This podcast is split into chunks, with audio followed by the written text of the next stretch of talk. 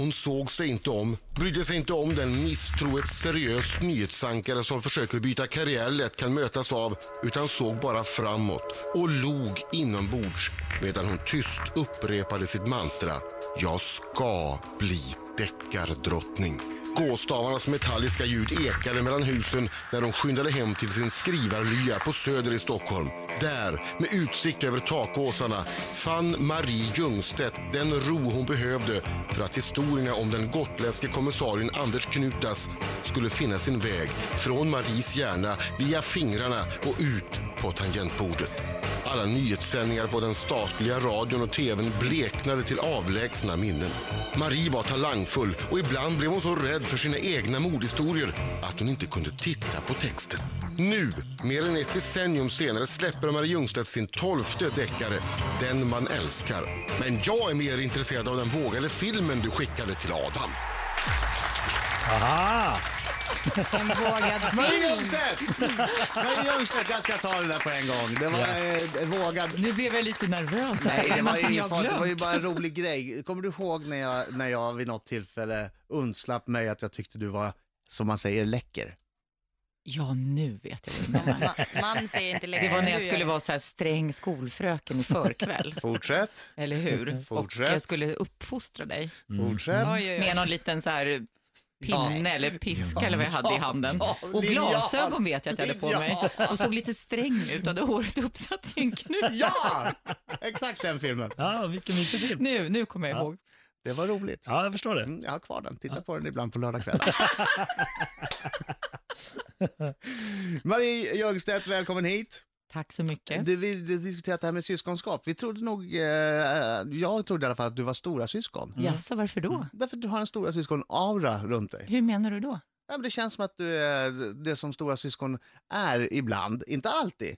Mm. Men att vad är det för lite aura du mer, att de blir lite mer reseledarna. Men Ja, jag som, är lite så fladdrig och, liksom. jag som är så fladdrig och Är du det? fnissig jämt. Men hur ska vi veta det? Ja. Men hallå, du har ju träffat mig ett antal gånger. Ja, Men hallå, du veta det. Mycket av det vi ser av dig är ju i alla fall att du är väldigt produktiv och, och får ur dig en massa grejer och det kändes lite stora syskonaktigt liksom. Tack Jo, Britta. men det är faktiskt lite sant. Ehm, eh, jag är nog faktiskt lite grann stora syster. tar mycket ansvar och, och sådär, fast jag är lilla syster. Så du har faktiskt rätt. Har du yngre syskon? Jag har ett yngre halvsyskon Mhm. Eh, som bor i Göteborg, som jag upptäckte efter att min pappa hade gått bort. Jaha. Ja, okej. Så eh, var vi i hans lägenhet och, och upptäckte eh, teckningar och brev från en tjej, Mm. eh, Nej, men- 12-åring i Göteborg. Nej. Och jag blev jätterörd och det var jag och min bror. Så att vi bestämde oss för att ta kontakt med henne, eller hennes mamma då, för att fråga om vi fick ta kontakt med Anna, som hon heter. Mm. Så gjorde vi det och eh, hon blev jätteglad. Hon visste om oss, men vi visste inte om henne. Och sen träffades vi och så sa det bara verkligen klick. Och sen Ja, har vi haft jättebra kontakt sen dess. Men Underbart. vilken Du, vilken grej. historia. Mm. Ja. Så det var jättekul. Men sen har jag två äldre Men vänta, helsyskon. vänta. Hur, hur, hur, ni var rotade runt bland Hur pappas gamla, grejer. hur gamla alltså- var ni typ? Eh, Jag var typ 26 Mm. och eh, vi hade ju ingen kontakt med pappa Nej. efter att jag var typ 18. Så att, eh, eh, men vi, vi hittade de här breven och teckningarna och blev så här rörda. Liksom, och vi märkte att de hade fått kontakt nyligen och så. Så att, eh, men hon har vetat om oss hela tiden och gått omkring där i, på sin lilla gård och skrutit om sina syskon i, i Stockholm som hon har. Men eh, vi hade ju aldrig träffats. Men det var otroligt kul faktiskt. Fint. Mm, sen har vi haft så här ett superkontakt sen dess. Men hur var det att träffas första gången när man träffar ett syskon? Det var väldigt speciellt. Alltså, Ja. hon, åkte ju, hon var ju väldigt modig. Hon var bara 12 år, men hon tog tåget från Göteborg för att komma och hälsa på. Och, eh, jag glömmer aldrig när jag stod där på Centralen och det var en sån här eftermiddag. Och det var massor med folk och tåget var alldeles fullsatt.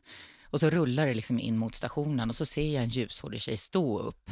Hon hade tydligen stått hela vägen från Södertälje och hon var så nervös att hon, Nej. var nära att hon skulle missa och gå. Ja. Eh, och direkt, jag bara kände direkt, det var bara så här instant love. Så var det verkligen. Kände, såg ni likadana ut på något sätt? Hade ni Ja, samma... vi är väldigt lika. Eh, Vi är väldigt lika mentalt, konstigt nog, fast vi Ja. inte alls har växt upp tillsammans. Jag kommer ihåg att min, min helsyster skulle gifta sig kort därefter och eh, Anna kommer upp till Stockholm och har köpt en klänning. Vad tror jag har gjort? Köpt exakt likadan klänning, Nej. till det exempel. Sådana saker händer hela tiden. Åh herregud. Det där är ju så, Nej, men jag det får där rys- är nu ju så spännande. Ja, det jag är- fick också det lite det. gåshud här. Det är faktiskt det. Hur, man, eh, hur så mycket ligger i de där generna. Ja, jättekonstigt. Och vi förstår varandra precis så här mentalt. Det är Gud liksom inga, inga problem alls. Har hon också författarambitioner? Nej, det Nej. har hon inte. Det är, du är ju fantastiskt produktiv. Jag tycker det är så himla kul så jag kan inte låta bli. Hur mycket säljer böcker? Säljer de jättemycket? Ja, De är alltså, eh, nu ska vi se vad siffran rätt. Mm. De har översatts till 15 språk. Det här är ett par år Oj. sedan, det kanske är fler nu, men det är ett par år sedan jag har de här siffrorna. Ja. Och har sålt i nästan 3 miljoner ex i, i bara Sverige. Va? Mm. Va? Så att ja, de säljer ganska mycket. Ja, hon, är ganska, hon skulle kunna ha en krona, eller i vart fall en tiara på sig när hon kommer in. Hon Ja. är jag är en väldigt anspråkslös kvinna, en väldigt enkel kvinna. Det är du inte alls. Va, va, vad gör du med alla pengarna då? Om jag får fråga. Eh, alltså, Du har ju redan är frågat. Jag det vet. det mest intressanta vi ska prata om? Nej, Nej. nej. det, vi ska prata om mycket mer, men Ja. vi har så begränsad tid och Marco är radiostrateg. Ja. Okej, vi- nej, vi alltså, man kan säga så här, det ger ju en väldig trygghet. Ja. Och det är väldigt skönt. Och trygghet ger ju också frihet. Mm. Eh, och jag är inte uppvuxen så. Jag har aldrig haft pengar. Så att, eh, för mig är det ju, jag kan fortfarande gå så här på ICA och känna så här, åh, jag kan slänga in vad som helst i Mm. kundkorgen. Jag behöver liksom inte tänka på vad det kostar. Bara, Nej. hi, hi, hi. Gud vad härligt. ja. Och ändå har du kupongerna med dig. Nej, det har jag faktiskt inte. Ja, vi ska prata om boken alldeles strax. Du ska också få tre stycken tips om du vill bli deckarförfattare själv. Det vet du inte om än Marie, men det kommer du få av Marie så småningom. Om vi så ska vrida det ur henne. Marco är bra på att uh, tortera folk. Oj, oj, Ja, oj. han oj, är- Jag, oj, har- oj. jag har ju så svårt att få ur med saker, Ja, så att jag förstår att det blir, det blir en Ja, det utmaning. kanske blir några Ja, nålar då, eller gå på lego. kanske du kommer få göra. Ja, vi kommer ha ett helvete med Maria, men vi, vi kämpar på. Den man älskar. Du brukar ju alltid eh, få, få idéer till nästa bok som någon slags eh, blixtnedslag. När du gör olika saker så kommer de till dig bara. Ja, jag har ju aldrig tänkt framåt när det gäller mina böcker, utan jag tar det verkligen bara bok för bok. Och när jag jobbar med en bok så är jag helt tunnelseende och bara fokuserad på den och får inga andra idéer. Men sen händer alltid samma sak och det är när jag känner att jag fått ihop storyn. Då är det precis som att det öppnas någonting i huvudet och så blir jag mottaglig eh, för nya intryck. Och det brukar ta ungefär en vecka, sen så händer det någonting och det gjorde det den här gången också. Och du jinxar inte det här genom att säga det här. Varför skulle jag göra det? Nej, men att det plötsligt då kommer kanske inte nästa idé bara för att du har sagt nej, att den kommer alltså, så nej, men det där bryr jag mig inte om. Jag är Nej. fullständigt avslappnad. Ja, det kommer som skönt. det kommer. Ja. Hur, Man hur, tar det fick, som det kommer. och hur fick du idén till Den man älskar?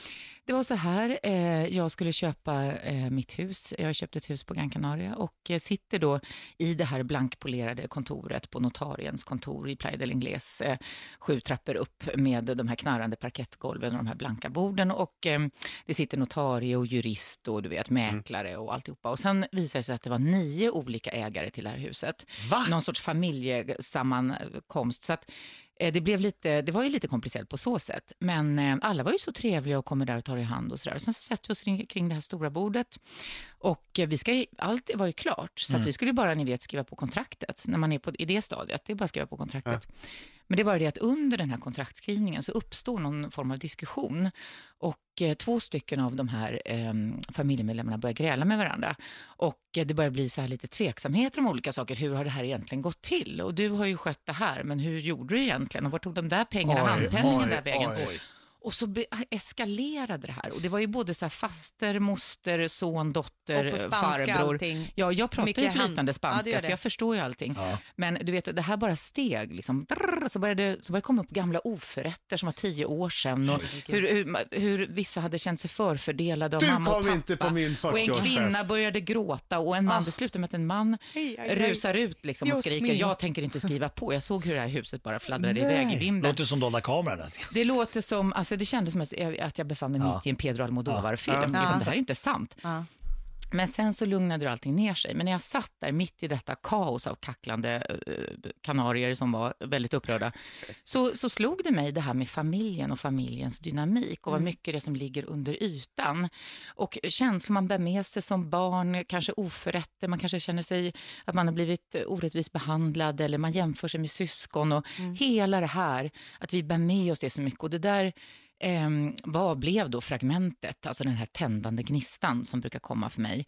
Eh, det, jag känner varje gång när det händer, det är precis som en polett ramlar ner i huvudet och så säger det bara klick och så kände jag hur, och så känner jag hur det börjar snurra. Ja. Och det här var alltså st- starten på Häftigt. den här boken. Men Den så man skriver du ner det då i mobilen eller kommer du ihåg det alltid? Skriva ner i mobilen. Ja. Eh, du- Eller du kanske har ett anteckningsblock? Du kanske är så gammal så att du har ett anteckningsblock? Ja, alltså du kanske är så gammal så att du har ett stort stenblock med dig? Det, ja, det, är jag, alltså, ma- folk som känner mig brukar skoja, att, liksom typ stentavlor och sånt, för jag är så, så otroligt gammalmodig när det gäller såna saker. Nej, för mig är det papper och penna som gäller. Men Eh, vad som händer är att det här börjar snurra och sen börjar jag fundera på det här. Sen förflyttade jag hela den här försäljningen av huset till Gotland. Så det blev ju en gammal kalkstensgård på Gotland som skulle Ah. säljas. Och den familjedramatiken kring den. Och det här, sen började jag göra research, jag kontaktade en mäklare på Gotland. Nu visade det sig att jag hade värsta turen. Det var Gotlands vackraste gård som skulle säljas. Gaustede gård som är så här jättekänd. Eh, och då går jag utifrån det och sen så spinner jag historien och så växer historien. Så det, så var det den här gången. Och hur gick det? Hur slutade mötet med eh, mäklarna när Det de började bråka? slutade eh, till min glädje med att de lugnade ner sig, så jag fick ju huset. Redan samma dag när ni skulle ha skrivit? Ja, det kan gå väldigt mycket upp och ner, förstår du, i det där temperamentet. Är, du, är du döpt till Marie Ljungstedt utan, Marie utan E och Ja. Ljungstedt utan L? Ja, det, Hur många är det som skriver fel? Det där är vi ju hela tiden. Ja. Men det, är- det är väldigt konstigt att när, när folk skriver Marie Ljungstedt, då känns det, de kan lika gärna skriva Karin Pettersson. Jag känner inte Mm. Det är en alls helt igen annan mig. person. Ja, det är faktiskt så. Det är ju mycket märkligt också. Mm. Det är nästan samma. Jag har en liten fråga. Eh, När du bestämde dig för att bli författare, eh, hur gick det då? Eh, Hade du ett, ett helt manus som du gick till någon förlag till eller hade du någon synopsis eller, och blev du refuserad många gånger i början eller hur fungerar det? Eller bara var det räkmacka? Då? Ja, det är spännande. Får jag lägga till en grej Ja, där? ja. Hade du i så fall manuset klart innan du sa upp dig från, eh, Ja. från TV? Ehm, det var så här, jag jobbade ju på tv Ja. och eh, skrev nyhetstelegram då på ABC, på Sveriges Television. Och ehm, när jag skulle försöka börja skriva första boken så ehm, började jag då att skriva. Och sen hade jag skrivit ungefär halva, då ringde jag liksom till ett förlag för jag tänkte jag måste ändå ta reda på, är det här någonting? De kanske kan läsa halva manuset. Och så ringde jag till det första förlaget jag kom att tänka på, Albert Bonniers då. Och så fick jag prata med en förläggare och så förklarade jag min historia och han sa så här, du måste skriva klart, du kan inte lämna in hälften. Men jag blev lite, lite peppad av att jag hade pratat med en livslevande förläggare, så jag skrev klart. och eh, sen när det var färdigt så ringde jag till samma person och då hade jag fått veta att det kan dröja ett halvår innan du får veta något. Och, eh, du vet så, här. så jag sa det, om jag skickar det bara till er, kan ni vara lite snabbare än sex månader? Och han sa, ja men skicka det direkt till mig då.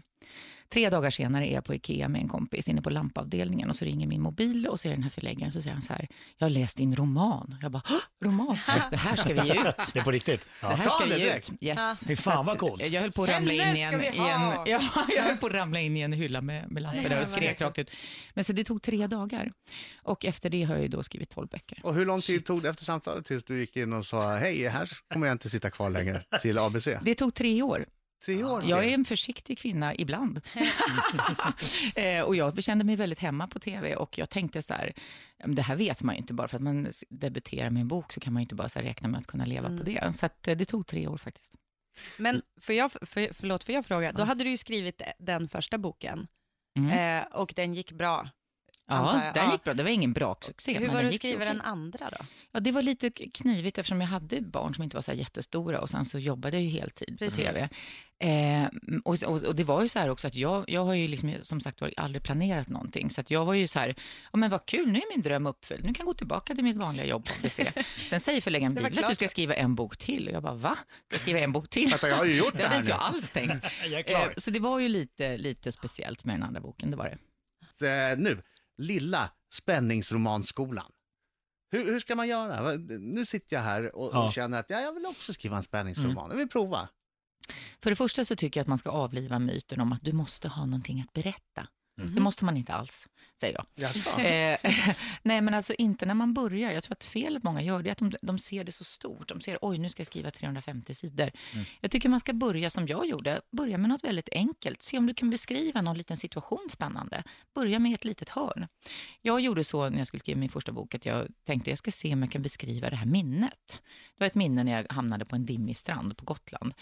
Och eh, jag skrev det här, det, ner det här minnet bara och försökte beskriva det så spännande som möjligt. Och det var så jag började med min första bok. Och det är ju alla som har läst Den du inte ser vet ju hur den börjar med den här kvinnan som går ner till stranden och hunden försvinner i dimman och så händer det läskiga saker. Ja, det. Men alltså, jag tycker så här, gör det inte för svårt. Börja med någonting, eh, beskriv någonting och se, se hur det går.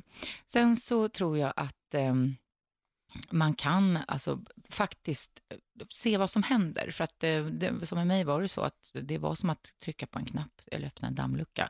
Eh, det kom väldigt mycket med jag skrev. Så den första historien hade jag inte alls klar. Jag hade vissa beståndsdelar som jag ville skulle vara med. Jag ville att det skulle vara på Gotland, jag ville att det skulle vara en spännings eller kriminalroman och jag ville att det skulle handla om någonting mer än bara who did it. Eh, och så är det i alla mina böcker, att det är alltid en djupare historia. Och det var det här med barns utsatthet och att ha blivit utsatt då för alltså saker som händer i barndomen, som att vi är väldigt sköra och fragila faktiskt som barn och hur det förflutna påverkar oss. Så att första boken, då hade jag ett tema då att jag ville att det skulle handla om mobbning, när jag tog från min egen erfarenhet när jag blev mobbad under en period i skolan och hur det påverkade mig. Jag ville berätta om det, jag ville berätta om den utsattheten. Så att det är klart, jag hade ju någonting jag ville berätta, förutom att det skulle vara spännande. Men Så du att- hade inte en början, en mitt och ett slut klart Absolut det, utan det inte. hände hände jag började med den här dimmiga stranden och sen så kom jag på att nej, men det ska vara en fest och ja, men de bjuder in så gamla kompisar. Och du vet, så växte det. Så jag tror ett fel är när man, när man ser det för stort. Börja lite och se vad som händer. Gjorde du research under? För Ja, jag kan tänka det mig... är också så här, alltså, det, det är en jättehjälp. Ja. Så fort jag hade börjat skriva, så är det så här, du hittar en, alltså en kvinna hittas död på en strand. Mm. Vad gör polisen? Ja, då ringer man till polisen och frågar så här, ja, men kan, kan jag få en timme med dig? Liksom? Kan och du det berätta? kan man göra även fast man inte är Marie Absolut. Ljungstedt. Nej, men jag var ju inte Marie Ljungstedt då, höll jag på att säga. Det var ju. Bara man kommer ihåg att skriva tack i eftertexterna. Jag visste ju Tack inte om till det eh, skulle... konstapel Bengtsson. Ja, men jag visste ju inte om jag skulle bli publicerad. Jag sa ju det, det här är bara ett försök och så. Men då fick jag ju träffa den här gulliga chefen för kriminalpolisen. Då satt han och berättade för mig. Och då får du kött, mera kött på Ja. benen och då Ja. får du mer att skriva vidare. Då Ja. hjälper researchen. Sen går fantasin och researchen hand i hand. Tålamod, det är bra att ha.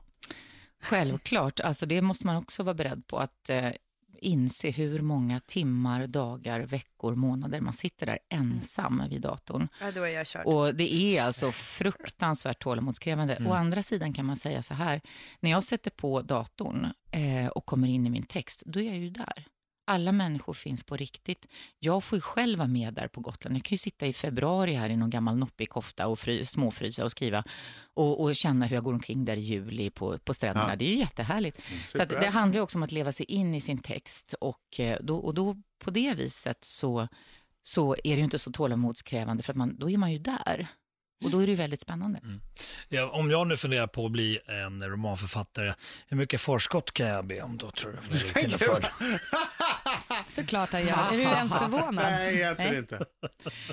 Jag tror du får vara lite modest när det gäller det, Marco, åtminstone i början. Ja, okej, okej. Mm. Ja. Men du är ju, du är ju vrå, vrålkänd, Marco, så att du kommer Ja. säkert få, få slippa bli kan- refuserad tusen gånger. Jag kan vi- vispa ihop någonting på en kvart. Okay. Nej. Jag, jag kanske ska skriva-. Jag ska tala om för dig att det är svårare än man tror Ja, jag vet, faktiskt att skriva vet, kriminalromaner. Många försöker ju på sig, Mm. försöker sig på det här, men klarar det inte. Det är väldigt svårt, men väldigt roligt. Vad är det som är svårt? Jag tror det svåraste är att dels det här med storyn, att du ska ha en trovärdig Ja. bra story och det är ju där många faller på kan jag tycka. Och sen är det också att hålla den här storyn vid liv så att det verkligen blir spännande och Mm. att knyta ihop alla trådar på slutet. Marie Ljungstedt i studion, eh, nya eh, spänningsromanen Den man älskar, eh, lagom till sommaren. Hon har gjort en grej av det. Mm. Smart va? Mm. Eller hur Marco? Mm. Känner du ljudet av dollars som trillar in? Ja, ja, Sommarläsning, perfekt. ja. Donkeyboy var här igår, Mhm. spelade live, lät fantastiskt bra. De har en riktigt, riktigt bra låt. De skrev en fråga till dig. Spännande. Vad Vi kan vet ju inte vad det står. Mm, vilja har- veta, undrar man. Oj, oj, oj. Vi har ett litet spörsmål till Marie. Mm, mhm. Ja. Ja, det här är spörsmål. Oh. Kan dere berätta om det mest groteska mordet du har läst i en krimiroman? Oj.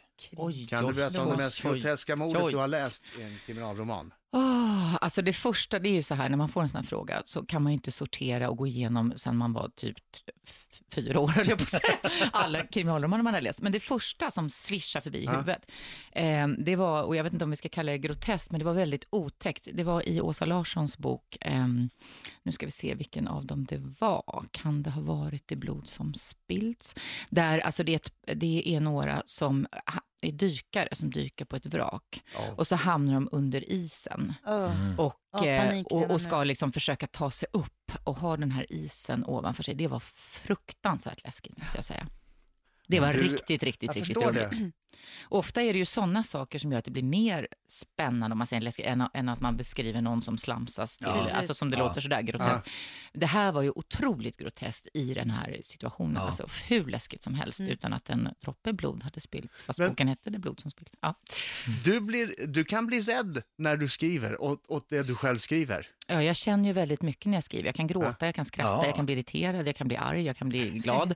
Eh, jag kan bli rädd. Det händer ofta. Om jag ska sitta och beskriva hur Martina Flochten där ute på natten ska gå den där mörka, läskiga stigen där, eh, du vet, som blir som en tunnel. Ja. Eh, hon hör så lite slammer från hamnen långt borta. Hon känner, hon ser siluetten av en person komma emot den. Hon vet inte, ska jag vända, ska jag fortsätta? Eh, och du vet när hon gör det här och jag ska sitta och skriva här, jag blir så livrädd. Så ibland så vågar jag inte ens titta på texten. Jag måste så här, ja, ja, jag bara skriver och vågar. Det händer faktiskt. Alltså, jag lever ju mig in väldigt Ja. mycket, men det tror jag man måste Ja. göra. Sen är jag ju väldigt mörkrädd själv. Jag tror att det hjälper mig, för att det kan ju göra att jag kan beskriva den här spänningen Mm. på ett, ett bra sätt eftersom jag lever mig in så mycket i det. Och det värsta är att när jag ska göra research så måste jag göra precis det här. Eftersom jag vet Åh, att jag ska nej. beskriva det här så måste jag gå på den där läskiga vägen Nej. själv mitt i Nej. natten. Jag, nej, jag vet, det är fruktansvärt. För att liksom se hur ljuset faller, skuggorna, dånet från hamnen, ja du vet, mina Nej. fotsteg i, i en kvist som bryts och så vidare. Jag kan vara siluetten som kommer emot dig. Och fy, Fy, Fy också. fy. Jag förstår inte den här fy reaktionen. vad läskigt. Ja, Jag förstår inte den här reaktionen. Vad ska med henne? Ah, jag förstår inte det. Jag förstår inte det. Okej. Eh, tack så mycket Marie. Tack. så jättemycket.